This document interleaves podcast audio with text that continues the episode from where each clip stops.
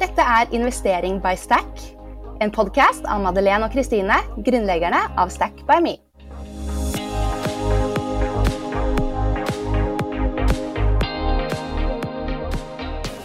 Podkasten er sponset av 247 Office, som er favorittregnskapssystemet vårt. Hallo! Da var det endelig tid for mer pengesnakk og investeringsprat, og denne episoden er sponset av ABG Sundal Collier-stiftelsen Women in Finance. Ja, hallo! Hallo! Og i dag skal vi gå litt i dybden og dykke ned i en spesifikk sektor, nemlig helse.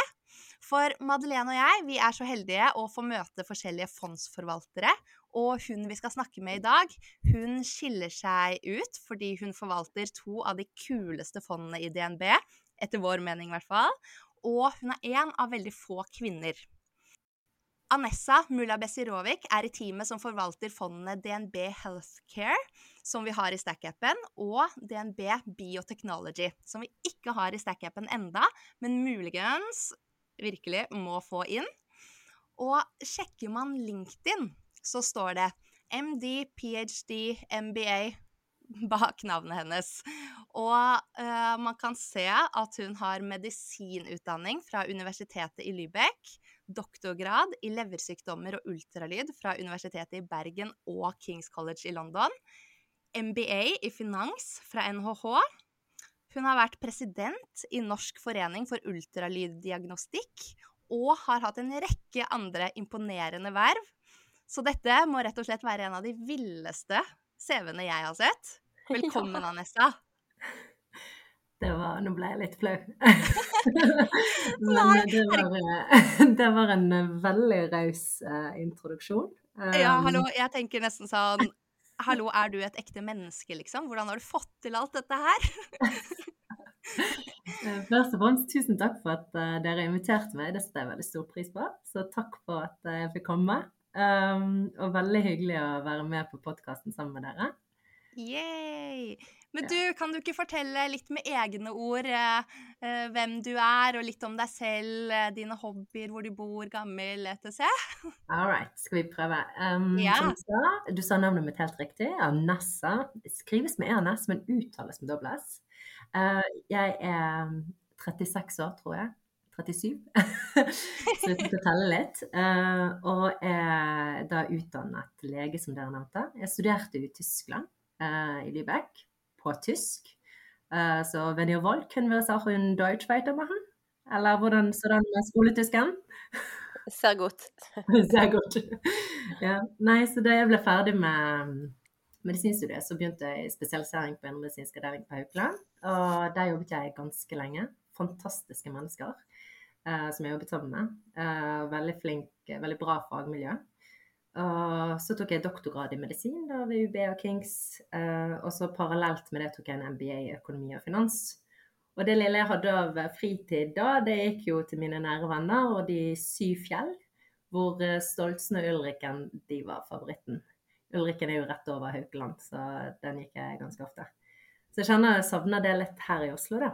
Her går uh, mye av fritiden, i hvert fall nå til klokken 19.30 til å tilbringe tid med min datter på ett år og fem måneder. ja, det er hyggelig. Ja. ja. du kjenner deg kanskje litt igjen i litt bergenshavn der, Madeleine? Ja, altså jeg har mange venner fra Oslo som er sånn Ja, men vi har jo merka Men det er ikke det samme. Det er ikke det samme som å kunne på en måte bare gå i 20 minutter og føle at du får puls uten å være keen på å jogge. Ja, så er det den utsikten, da. Ja, ja det er jo. Det er bare å komme seg opp over bakkenivået og så bare se horisonten. Ja, ja, jeg er enig. Hva er persen din på Soltsen, da? Vet du hva, på det beste så lurer jeg lurer på om jeg var på sånn 14, 13, 50, 14 på det beste. Ja, det er bra. Ja, det, jeg var veldig fornøyd med meg selv. Ja. Nå, nå, er han kanskje på, nå er han kanskje på 35. Jeg tror ikke jeg hadde kommet meg opp, jeg, faktisk. Så. Med blodsmak i munnen. Nei, men uh, Bergen er jo Det er jo der jeg har bodd uh, si mesteparten av livet. Jeg har bodd i Norge, da. Så jeg har jo litt sånn rart etternavn som dere uh, Litt sånn utypisk norsk. Og det er jo fordi jeg er født i Bosnia, da. Så jeg kom jo, flyktet jo til eh, Norge under den forrige europeiske krigen. Det var den krigen i Jugoslavia uh, i 1993. Sammen med min mor og min søster. Så da landet vi først faktisk på Østlandet, og etter hvert kom vi oss til Voss, før vi endte opp i, eh, på Askøy utenfor Bergen. Og så da til slutt på Fjell, eh, som er på en annen øy utenfor Bergen. Det, var... det er imponerende. Så du er ja. faktisk også flyktningebarn. Også nå MD, eh, ph.d., MBA, og jobber som forvalter i DNB. Det må jo være den norske drømmen. Ja, kanskje det. Eh, jeg hadde jo Min far Jeg kom jo sammen med min mor og min søster, men min far han ble jo igjen i Bosnia og jobbet som lege i fronten. Altså han jobbet som krigskirurg, da. Så han har jo vært en stor inspirasjon til at jeg valgte medisin over økonomi da jeg skulle begynne å studere. da. Ja. ja. det kan jeg tenke meg. Ja. Så kult. det er veldig rørende å tenke på, egentlig. Jeg tenker ja. litt for lite på det, kanskje. Ja, ja det, det er sinnssykt kult. Mm, å ha den motivasjonen bak ting man gjør, da. Og nå, nå da, eh, hvis du skal forklare kjapt hva du jobber med i DNB nå? Ja, eh, jeg jobber jo med forvaltning i DNB, så vi har jo som du nevnte to helsefond. Um, DNB Healthcare det er uh, et fond som har hovedsakelig store selskaper. Um, sånn som farmaselskaper, medisinsk teknologi, forsikringer, diagnostikk og helsetjenester. Og så har vi DNB Bioteknologi, som har litt mindre selskaper relativt til uh, DNB Healthcare-fondet. Og så er det selskaper som gjerne ikke uh, alltid har så mye å rutte med når man tenker på sånn klassiske bioteknologiselskaper. Altså de har ikke inntjening på, i samme forstand men de utvikler eh, legemidler eller en teknologi som har et enormt klinisk potensial, og kan endre måten vi både behandler pasienter på, og uh, helsesystemet per se, hvordan det fungerer. Da. Så um, helsesektoren er jo i vid forstand en ganske stor sektor. Jeg mm. vet ikke hvor godt kjent dere er med det, men hvis man ser på hele sektoren, så er det nesten 9500 selskaper i hele universet. Så det er ganske, ganske, stort. Men du vet, de to fondene vi har eh, Fond måler jo seg alltid for å kunne liksom si hvor flinke de er, så måler de seg mot en indeks. Så for Helsefondet, det måler seg mot eh, MSCI World Healthcare-indeksen. Og det, den indeksen har 140 selskaper. Mens Bioteknologifondet det måler seg mot Nasdaq Biotech-indeksen. Og den har 273 selskaper uh, i uh, indeksen. Ja, Og hvor uh, mange selskaper er det i deres fond, da? Jo, vi har litt forskjellig for de to fondene. I Helsefondet har vi 39 selskaper. Og i Bioteknologifondet har vi 53 selskaper. Ja, ikke sant. Ja. Men det er fortsatt diversifisert. Men det, men det, er fremdeles diversifisert, ja. ja, ja, ja. Det var ganske mange, det. Så. Men jeg hadde et sånt spørsmål siden vi pratet om at du var lege. Ja. Føler du at det kommer til nytte, og at det hjelper deg i jobben når du skal ja, kjøpe mm. aksjer innenfor sektoren? Ja, vet du hva. Altså, helsesektoren, hvis man ser på den, så er det en, et veldig komplekst område. Uh, hvor jeg tror at inngående kunnskap det gjør at man kan treffe gode investeringsvalg. Og det er helt klart en fordel å ha både den kliniske og den medisinske erfaringen og forståelsen som jeg har, for å kunne forstå hva som virkelig er de udekkede behovene eh, og den liksom, kliniske anvendbarheten, det kommersielle aspektet av produktet. Da. Eh, så en behandling den kan jo se helt eh, tipp topp ut på papiret, men den kan kanskje være vanskelig å gjennomføre i praksis på sykehuset, sånn rent logistisk, eller pga. tid, eller på måten behandlingen administreres på. Eller man kan se at studien er svak, at man kanskje ikke har tenkt på et par ting. Så disse tingene er liksom, det er definitivt en edge å kunne ha det med i verktøykassen når du evaluerer de, i tillegg til finansiell forståelse, selvfølgelig. Eh, for vi leter jo alltid etter selskaper til en attraktiv pris. Men det kreves betydelig mer medisinsk kunnskap for å evaluere hva et godt selskap er. Mm. Ja, høres ut som du er rimelig spot on for den, uh, akkurat den jobben her. Vir ja. Nei, virkelig. Men uh, hvor, uh, hvor stort er fondene deres, da? Eller begge to? Bioteknologifondet er vel rundt 200 millioner. Og Ja. Helsefondet har vel en 2,5 milliard norske kroner. Ikke sant? Det er, de er veldig store. Ja. Eller i hvert fall Helsefondet, da. Ja, Ja. kult. Og av disse 9500 selskapene, da? Sitter du og har litt eh, oversikt, eller eh, går du virkelig i dybden i de, eh, de dere har? Ja, altså vi bruker jo eh, veldig mye tid på å eh, De selskapene vi har, de har jo en portefølje eh, med legemidler eh, som altså, le, Bare for å forklare enkelte legemiddelselskaper, da. De selger medisiner, og disse medisinene er gjerne molekyler som de har patent på. Og veien fra start til de finner dette molekylet, til molekylet blir godkjent som en behandling, den kan deles inn i flere faser. Altså preklinisk, fase 1, fase 2 og fase 3. Og den er ganske lang, og den kan ta opptil ti år, den. Og så blir det dyrere og dyrere jo lenger ut man kommer. Så, og det er egentlig kun 10% som klarer seg fra fase 1 til godkjenning. Fase 1, når man snakker om fase 1, så er jo det ofte friske pasienter. Preklinisk er det gjerne at man gjør dyreforsøk, eller eh, man gjør forsøk på laboratorier eller forskjellige modeller, da. Fase 1 er friske. Fase 2 der prøver man ut dosering, og så ser man litt på bivirkninger og eventuell effekt. Og i fase 3 så tester man medisinen mot en placebo, ser på hvor sikker den er, og hvor, eh, hvordan den ser ut sånn over lang tid, da. Eh, effekten av medisinen. Så veldig mange av disse farmaselskapene de har jo da medisiner som de selger, som de har patent på. Og disse patentene går jo ut etter hvert, ikke sant? Og da må de, Mm. da må de, da må de fylle på uh, for å kunne opprettholde veksten sin og inntjeningen. Så må de hele tiden ha nye medisiner i pipeline, som vi kaller. Uh, og det kan de enten utvikle selv, eller de kan kjøpe opp mindre selskaper eller innlisensiere produkter fra eh, andre selskaper. Og det er jo noe som kommer inn under forskning og utvikling. Og farmaselskaper bruker jo mye penger på forskning og utvikling. Og de kan jo bruke opp mot 15 av salgsinntektene på det.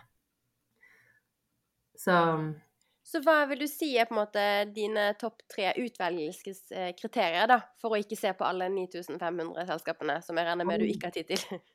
Nei, altså når vi skal se på selskaper, så er jo det, det er viktig at um, de er derisket. Jo tidligere i forløpet man er i uh, et bioteknologiselskap f.eks. For, for det er to veldig forskjellige Det er veldig forskjellig for de to fondene. For det store fondet så er det store farmaselskaper. Der er man interessert i vekst og prising, og at uh, selskapet har en edge, og at at vi har tro på det selskapet holder på med innenfor den sektoren de gjerne er sterke i. På bioteknologi så er jo det ganske mange selskaper som kanskje er tidlig fase. Blant de 270 så er det noen selskaper som er i fase 1 og fase 2, ikke sant. Og så har de ingen inntjening. Vi liker jo veldig godt at de tidligfaseselskapene at de kanskje har litt inntjening. At de gjerne har ett produkt som er godkjent, som validerer den plattformen som selskapet gjerne holder på med og at de har noen andre utviklingsprodukter i pipeline. Det må ikke være sånn, men det er jo noe vi liker. Eller at det er en banebrytende teknologi. Um, som da kan, det, da, da kan, det, se litt annerledes ut, ikke sant. Så det kommer virkelig veldig an på. Men vi ser jo veldig ofte på selskaper som, er, uh, som har en markedsverdi over 1 milliard uh, US dollar. Nå har jo det falt en del tilbake, så det er lavere nå enn det det f.eks. var for et år siden eller to år siden.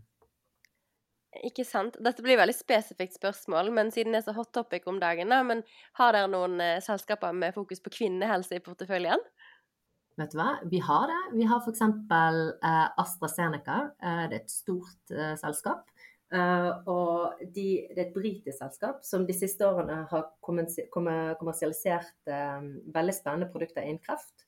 Og det sistnevnte er en medisin som heter en Hertu, som er en medisin som brukes til behandling av brystkreft. Mm. Og det er en av uh, våre uh, største posisjoner i begge fond. Det er kult. Ja. Mm. ja, det er veldig bra. Og hvordan um, hvordan endte du opp i finans, da? Etter eh, hele denne lynkarrieren din innenfor som startet ut mot medisin? Jeg vet hva, det har jo vært en reise, da. Jeg elsket å jobbe som lege og med pasienter, og jeg syns at det er ingenting som er så forfyllende som eh, det. Um, syns også Haukeland eh, sykehus og medisinsk avdeling på Haukeland sykehus, spesielt gastroenterologi, var uh, fantastisk flotte folk. Um, og jeg var egentlig, hadde det veldig bra. Uh, men jeg, som dere kanskje har skjønt, er jo veldig nysgjerrig og kunnskapstørst. Um, så jeg så jo at det å løfte blikket opp og ut, og kanskje på et større nivå, så kan man bidra med den kunnskapen man har sånn i det brede feltet. Altså gjøre impact uh, for å påvirke det store bildet. Jeg jobbet jo først i venture uh, uh, som, innenfor helse, da, hvor man gjorde investeringer i tidligfaseselskaper.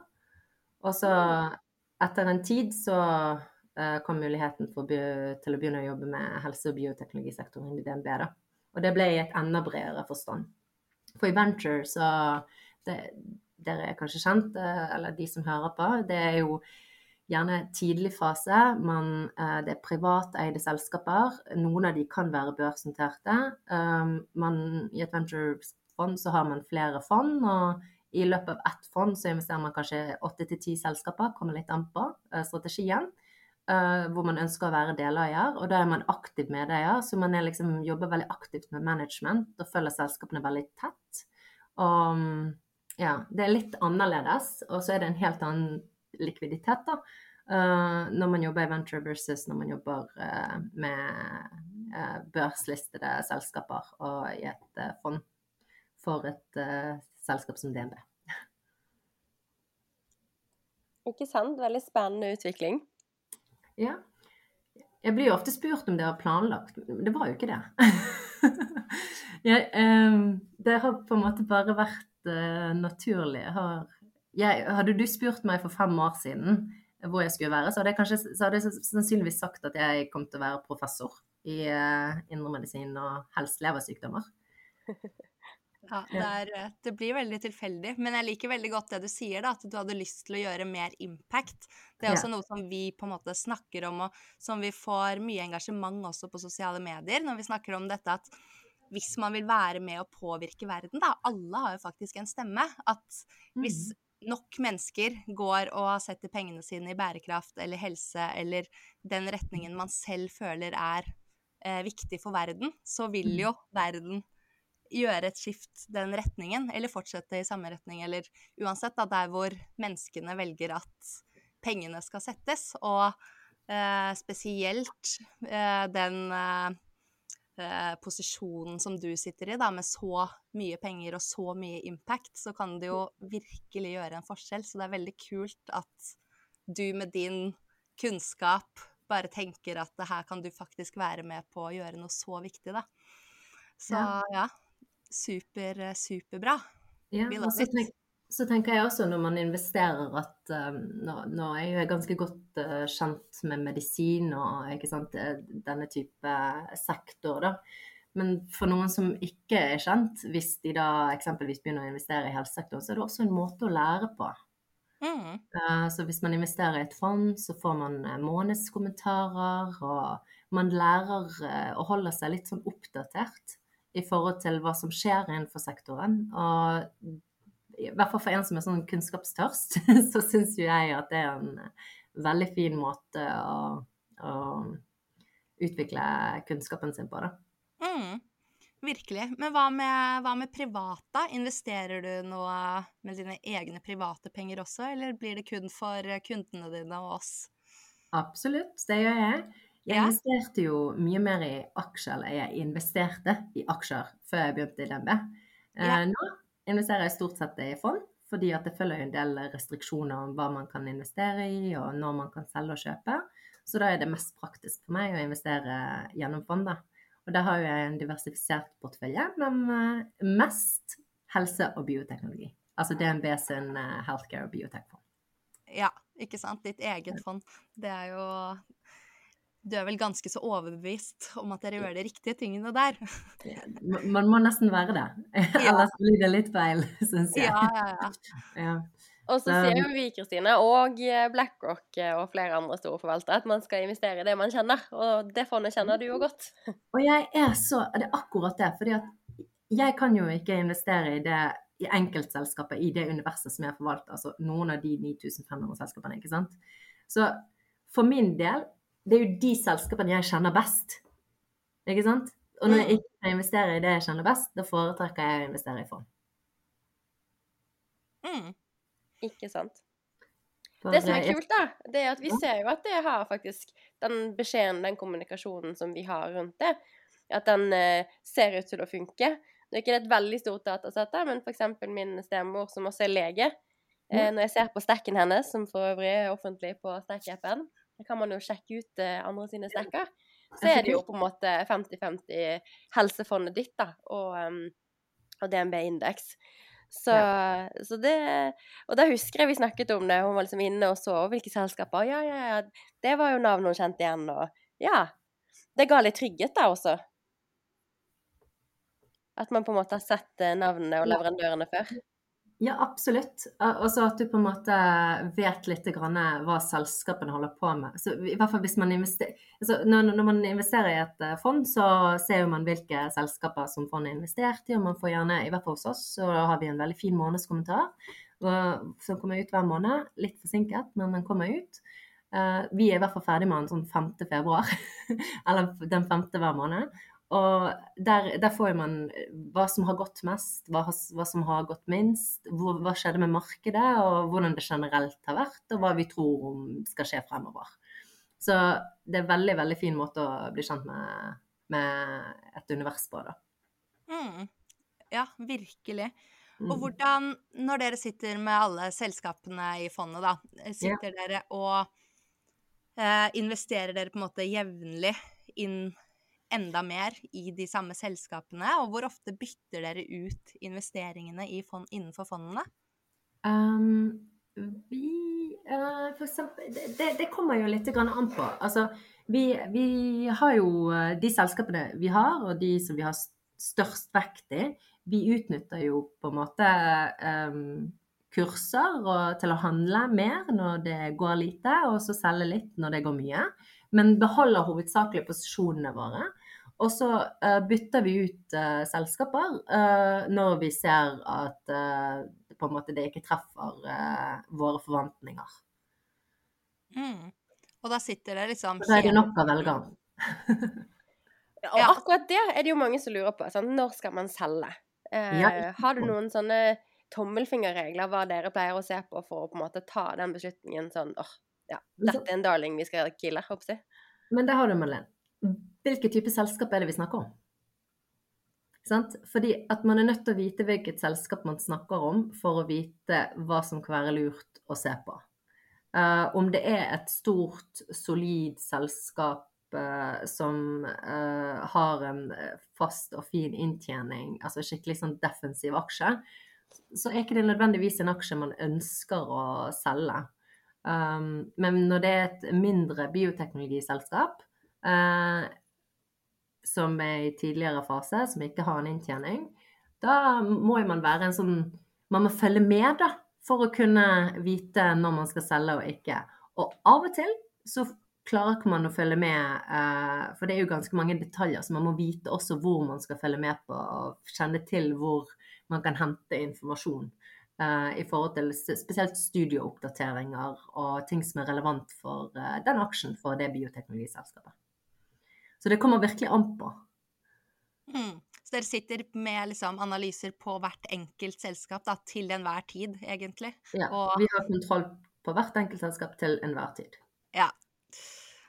Skulle jo, skulle jo bare Også- mangle. Men eh, en- og så er jo vi også interessert i på en måte Greit at vi har kontroll på dette selskapet, men for å ha kontroll på det selskapet, så er det nyttig å vite hvem er det som holder på med lignende eller tilsvarende, som Mm. kan utfordre posisjonen til det selskapet.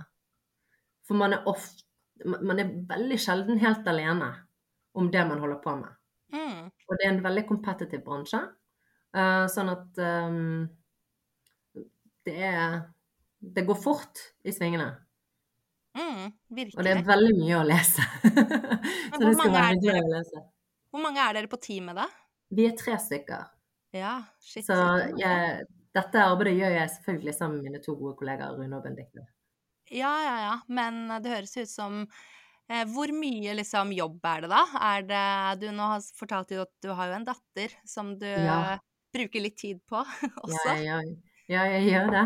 Jeg er veldig, hun er helt fantastisk. Det, så hun prøver jeg å bruke eh, all min fritid frem til hun sovner på. Ja. Og så er det tilbake til jobb, eller? Ja, vi forholder oss av og til til det amerikanske markedet. Ja. Uh, og det åpner jo halv fire, og så uh, stenger det på kvelden, ikke sant? Så Mm. jeg uh, er nok innom eh, på kveldene og sjekker til hvordan det står, ja. Jeg gjør Ja. det. Så men du trenger ikke å være liksom 100% på fra halv fire til eh, stengetid. Nei, ikke alltid. Det kommer litt an på om det er noe som skal skje i en uh, aksje, om det er noen forventede nyheter, om det Det kommer litt an på liksom uh, Om det er noe spesielt, da. Men ofte Mhm. kan Ofte man Har man gjort seg opp noen tanker i løpet av dagen om uh, hva man ønsker å gjøre. Så det kan man utføre enten ved åpning, planlegge ved åpning, og så kan det eksekutes, gjennomføres fram til stenging. Ja, ikke sant. Da Men er det, det er ikke du selv som sitter og executer og gjør alle de tingene? Vi har en fantastisk eh, Altså, vi, vi sender jo handler, og, men vi har en fantastisk uh, trading team her, Ja. som består på fire De er vel fire-fem stykker, uh, som hjelper oss uh, med, med det, da. Og sant? backoffice, ikke minst, og middle office. Så de må, de må være veldig på, da, akkurat de timene som det er åpent. Nei, det er veldig mye som er automatisert. OK. Det er Men eh, med, når det gjelder Hvis det er noe som skal gjøres av kutt, eh, så, så er det tradingdesken som eh, er best å forholde Eller som er enklest å forholde seg til for min del, da.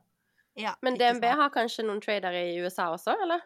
Ja, eller det er vårt, vår tradingdesk internt i DNB Asset Management. De, uh, de har jo kontakt uh, med eh, tradere i de andre bankene. Så Mm. dette, dette er ikke min eh, ekspertise. Ja? Hvordan det går fra det. Ja, ja, men det er jo et stort maskineri, liksom. Det er det. Det er jo bra at ikke det er sånn Velsmurt. Ja, ja virkelig. Og Ja. at ikke det er sånn hver eneste dag midt i middagen at du plutselig må rushe ut fordi Neida. nå droppet den aksjen. Nei da, det er ikke det. Og hvis det skjer noe, så Du vet at man har jo Bloomberg på uh, mobilen også. Ja, du har mail på mobilen, og, så det, og vi kommuniserer fint innad, så det er liksom Du kommer deg alltid til, uh, til det, så det, det går bra. ja. Føler du at det er uh, greit å, å kombinere yrket ditt med det å ha barn? Og at liksom, har du sett en veldig forskjell etter at du fikk barn? Eller Altså, den som ikke merker forskjell etter at de får barn, de vil jeg gjerne prate med. Ja. Bare ta en liten prat med, så dere må gi seg fra hvis dere har noen, har noen hot tips. ja. Uh, men uh, det er jo en annen hverdag. Det, altså, sant Mitt Dagen- hotteste tips der er farmor. Hva sa du? Mitt hotteste tips der er farmor. Oi. Ja, Eller du, mormor. Jeg slår gjerne en prat av med farmor eller mormor. Nei, altså Jeg vet ikke hvordan det er med dere. Dere har jo småbarn, dere også. Dagen begynner ikke når du vil, ikke sant? Og den slutter heller ikke når du vil. Og ofte er jo det på en måte Det er jo eh, Det er helt det er en helt annen uh, hverdag enn det det var uh, før, da jeg ikke hadde barn. Um, Så jeg er jo veldig glad. Jeg har jo en uh, utrolig bra mann, uh, det skal sies, som eh, stiller opp på hjemmebane. Uh, og er fleksibel, så vi er rause med hverandre. Så det er jeg veldig glad for. For jeg tror det er litt av løsningen til at det, det er så enkelt. Hvis man kan kalle det enkelt. Ja, at det går rundt, liksom. Ja, Men det tror jeg dere kjenner dere igjen i, tipper jeg. Ja, ja, veldig. Og ja, både Madeleine og jeg har jo også menn som jobber mye, men det er noe med det å samme her. At, at man må lære seg å Ja, jeg sliter også med det at uh, f.eks. de timene fra fem til syv da, etter barnehagen og til leggetid, hvor man skal virkelig være til stede, men så er liksom også ofte tankene et litt Mm. annet sted. Så at man må liksom tvinge seg til å være litt til stede, da. Men kanskje det i det store og det hele egentlig er veldig bra, for da får man den pausen, og så Ja. Og så tenker jeg også på at de barna er kanskje to-tre. De, er ikke så- de ikke så liten så lenge. Nei. Sant? Altså, det, det, pleier, det har jeg litt sånn i bakhodet, da. Um, for jeg er jo eh, en mor.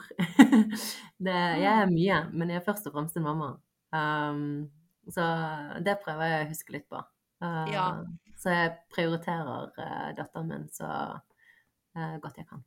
Ja, det høres ut som du klarer veldig bra, og veldig Ja. fint å høre at du sier.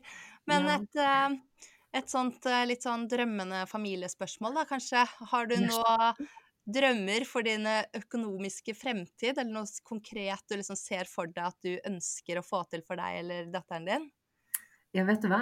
Jeg, jeg har ingen spesielle økonomiske drømmer, men hvis Altså litt som jeg sa. Um, jeg har jo, hun er jo veldig viktig for meg, og jeg har jo bare lyst til at hun skal ha det trygt og godt og være frisk og rask og lykkelig og ha en veldig flott oppvekst. Og, um, så jeg kan veldig godt tenke meg å flytte i hus. Det er kanskje neste investeringen vi gjør. Og så drømmer jeg om å få en hytte, sånn at hun kan eh, bygge masse barndomsminner og kose seg til påske og høstferie og sommer og vinterferie og nyttår og jul. Så det hadde jo vært eh, Det er sånn som Det er min sånn Kanskje topplisten. Eh, Det jeg Mm. ønsker meg. Vinterhytte, vel å merke. Helst midt mellom Bergen og Oslo. Men det er en diskusjon Geilo. hear Ja. you. Vi ses i budkrigene, altså. Ja. Men eh, la oss unne hverandre godt, da. Ja. Jeg tror nok du har råd til den hytten før meg. Med mindre stikker opp på børs sånn umiddelbart. Ja, da, da er det du som eh, Du tar han, du tar han utenfor markedet hvis det opp på børs. Ja. Da banker jeg på døren din og sier jeg vil ha den likevel. ja. Ah, ja, nei, det er fine. Høres ut som et eh, perfekt liv og ja, det noe å strekke seg etter, det der. Ja, det er sånn som Da jeg var liten, så hadde jo ikke vi hytte. Uh, vi hadde jo ganske lite til å begynne med, ikke sant. Så, og det husker jeg bare åh, Siden jeg var liten, så har jeg på en måte hatt lyst på hytte. Og jeg elsker å gå i fjellet og stå på ski og gå på ski. Og, så det er liksom Den norske naturen syns jeg bare er helt fantastisk. Så Nei, der tror dere Der tror jeg vi faktisk har konkludert fram til hytte, da. Ja. Her nå. Ja, Det er veldig greit å ha litt sånn definerte ting. Da vet man uh, hva man sikter mot. Nei, man må prioritere, så hus Ja. kommer først. ja. Å, så bra. Men uh, uh, noen jobbspørsmål igjen, da. Er det noe Vi lurer på liksom, hva er din beste investering? Har det vært noe som du har vært med på en skikkelig kul eh, story på et eller annet bra? Ja, vet du hva? Um, jeg har noen eksempler. Uh, altså når vi sier investering, så tenker jeg det første reaksjonen min at jeg tenker høyest mulig avkastning man har fått. da, ikke sant? Ja. Jeg investerte jo i noen aksjer i 2020. Eh, det stengte i mars. Jeg investerte vel i mars.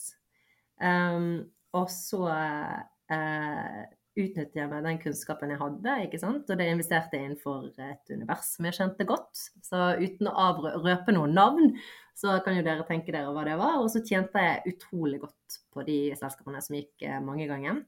Og så solgte jeg meg ut med veldig god gevinst. Var dette Det var privat eller Det var, det var privat, og da jobbet, jeg, da jobbet jeg i venture, ikke sant. Og det var eh, vel å merke høyrisikoselskaper, og så, som man vet, så er jo høy risiko korrelert med positiv avkastning. Men selv om man treffer på én eller tre aksjer, så er man ikke verdensmester. Så det er viktig å huske på den risikodelen av eh, enkeltaksjene. Og så kjenne selskapene godt. Forstå selskapet. Hvis Ja. ikke man gjør det, så er jo det et faresignal. Kult.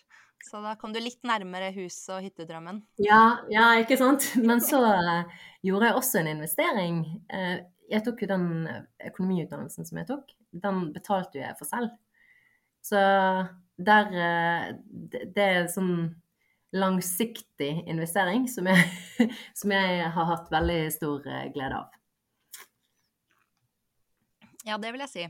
Det er absolutt en investering for livet. Absolutt. Hva med, hva med motsatt av dårlig investering? Har du det? Skal jeg si noe? Sats-medlemskapet mitt, det er den dårligste investeringen jeg har. Jeg har støttet uh, Sats hver måned. Det er 600 eller 700 kroner vi betaler hver måned i tre år, og jeg tror ikke jeg har vært der én gang. Um, så jeg er ikke skapt for å trene innendørs. Og jeg betaler fremdeles, jeg burde kanskje si det opp. Eh, Men det er definitivt den dårligste investeringen jeg har gjort. Og, og, og har. Altså det er en vedvarende dårlig investering. Ja. Jeg, jeg tror kanskje mange kan kjenne seg igjen i den der, dessverre. Ja, den er uh. Og så er det et par uh, bomkjøp, da. Ikke sant? Ja. Ja. Ja. Den Man Har, eh, har du opplevd noen biotech-aksjer hvor på en måte um, den, kliniske, den kliniske undersøkelsen på en måte har gått helt i veggen, og selskapet har vært null? Uh, nei, det har jeg ikke gjort. Eh, bank i bordet. Ja. Men uh, det var dessverre ikke Dette er sikkert sånn plastikkbord, men uh, Men uh, ikke ennå, nei. Men det er jo, ikke sant Det er jo lett for å gjøre hvis man ikke har satt seg inn i hva selskapet Jeg bare repeterer meg selv, føler jeg. Du må sette deg inn i hva selskapet holder på med. Du må forstå det de holder på med, hvor de opererer, hvordan de designer studier, hvis det er bioteknologi. Hvem andre er det som gjør tilsvarende? Hvor langt er de kommet? Disse sånne ting. Det er viktig å på en måte ha i bakhodet når man, eh, når man ser på bioteknologiselskaper. Det er noe jeg har hatt i bakhodet når jeg da har sett på de selskapene jeg tidligere har investert i. Mm. Og når det gjelder liksom helsefond, da. Det har vært veldig i vinden og veldig sånn anbefalt å Mm. investere i det nå den siste tiden. Og i hvert fall sånn som BlackRock og sånn, så har jo også gått ut med og sagt at det er en eh, kategori som kommer til å Eller en sektor, da, som man kommer til å se vekst i fremover. Og Mm. hva eh, Har dere samme oppfattelse der? Og i så fall hva er liksom grunnen til at det er så i vinden nå? Ja, eh, jeg kan forklare litt at helsesektoren det er noe vi kaller for en defensiv sektor. Det vil si at den typisk gjør det relativt bra i urolige tider, hvor markedet generelt er mer usikker. Litt sånn som vi har hatt nå med renteoppganger og resesjonsfrykt. Mm. Uh, og selskapene som er i helsesektoren, de leverer jo produkter og tjenester som i stor grad er uavhengig av det som skjer i økonomien. Så um, de leverer uh, varer som vi ikke kan utsette kjøp av. Litt sånn som hjertemedisin, eller hvis man må opereres, eh, eller hvis man blir syk. Sant? Det er noe av det siste du utsetter kjøp av. Mm. Um, så de store selskapene i helsesektoren de har jo generelt solide balanser, og så har de lite gjeld. Og det gjør jo at eh, vi mener at sektoren klarer seg godt ved renteoppganger. Mm. Ikke sant? Det er jo viktig nå i disse tider, hvor de Ja, melder renteoppganger i hytt og gevær, føler jeg. Ja, det, det er sant. Akkurat 5,25% i boligrente sto det på forsiden av DN i dag. Det, det blir gøy. det blir gøy. Mm. Hva, hva er det neste du tror at dere vil investere i i fondet? Er det noen spesielle aksjer som du følger ekstra nøye med på nå? Ja, jeg eh, ser jo på litt forskjellige aksjer. Um, men um, jeg tenker at når man er innenfor en sektor, så er det én ting å se på aksjer, men så er det en annen ting kanskje å se på hva tror man eh, i forhold til trendene fremover, ikke sant? Eh, litt sånn som Alzheimer. Jeg vet ikke, dere har kanskje vært kort innom Alzheimer. Det er jo eh, Er dere kjent med den sykdommen? Ja, vi har hatt litt eh, noen tilfeller av det i familien. Helt uh, grusomt. Ja, det er jo en helt uh, forferdelig sykdom. Ja. Og det er jo uh, demenssykdom, da. Um, og vi har jo et selskap som um, heter Eli Lilly i porteføljen vår, og de utvikler jo en medisin for Alzheimer.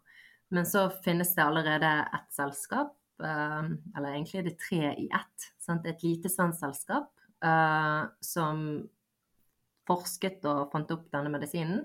Og så utlisensierte de det til et annet asiatisk selskap som heter Asai, som samarbeidet med et amerikansk selskap som heter Biogen.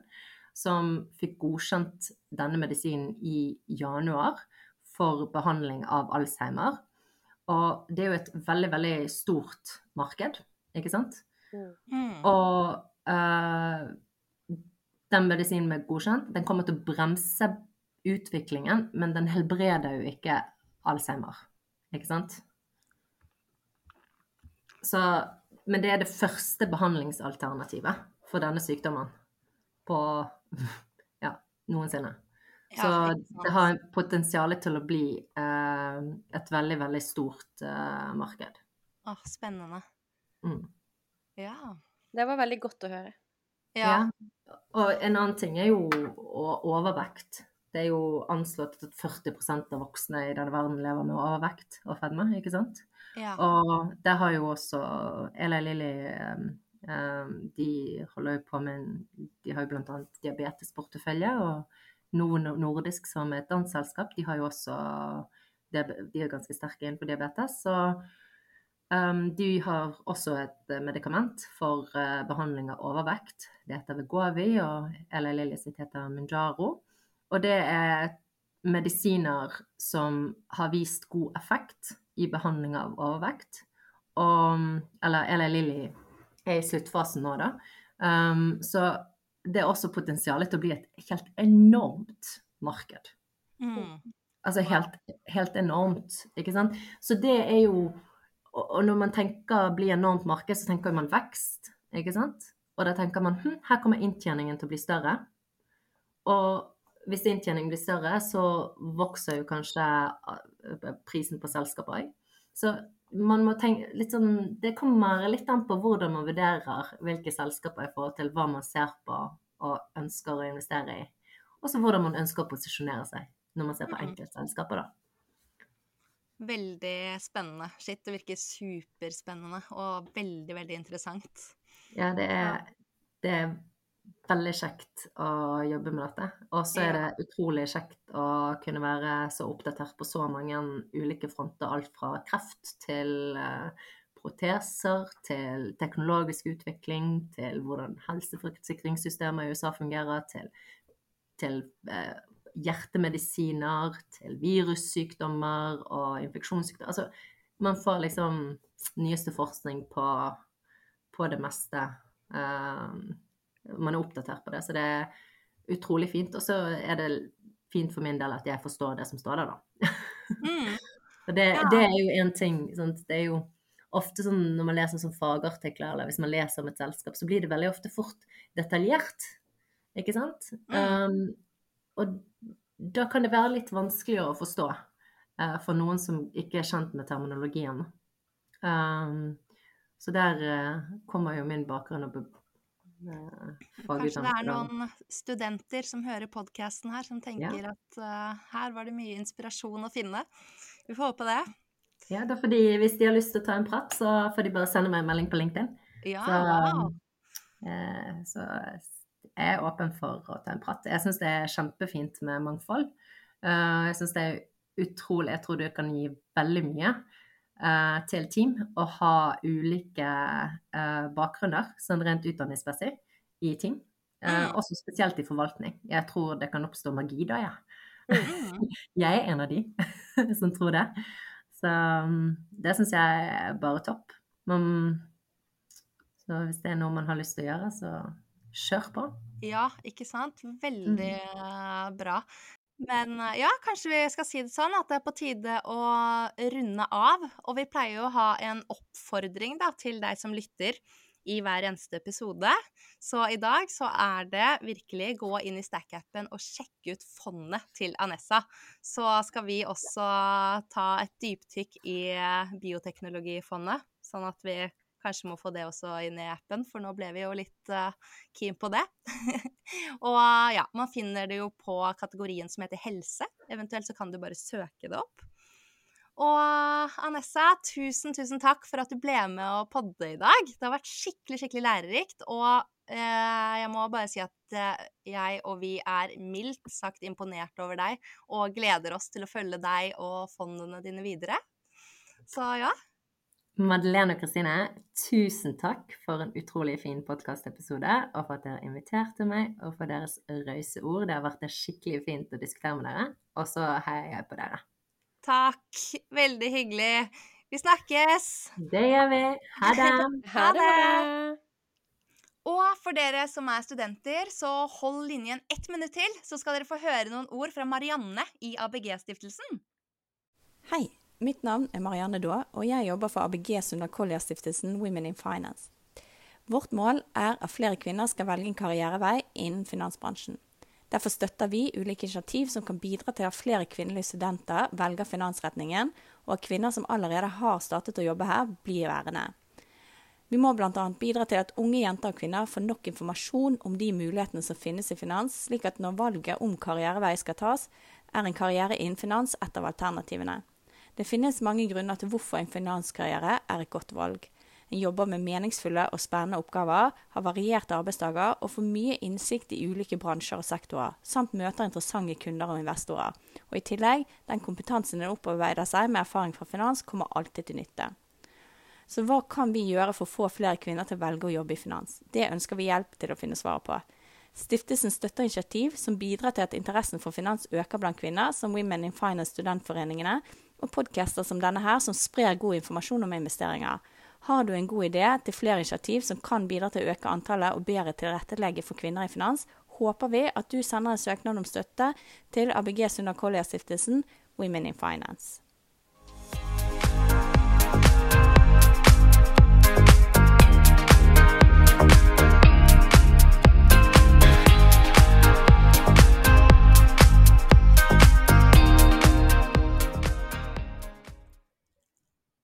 Det må sies at denne podkasten må anses som markedsføringsmateriell, og innholdet er aldri en investeringsanbefaling.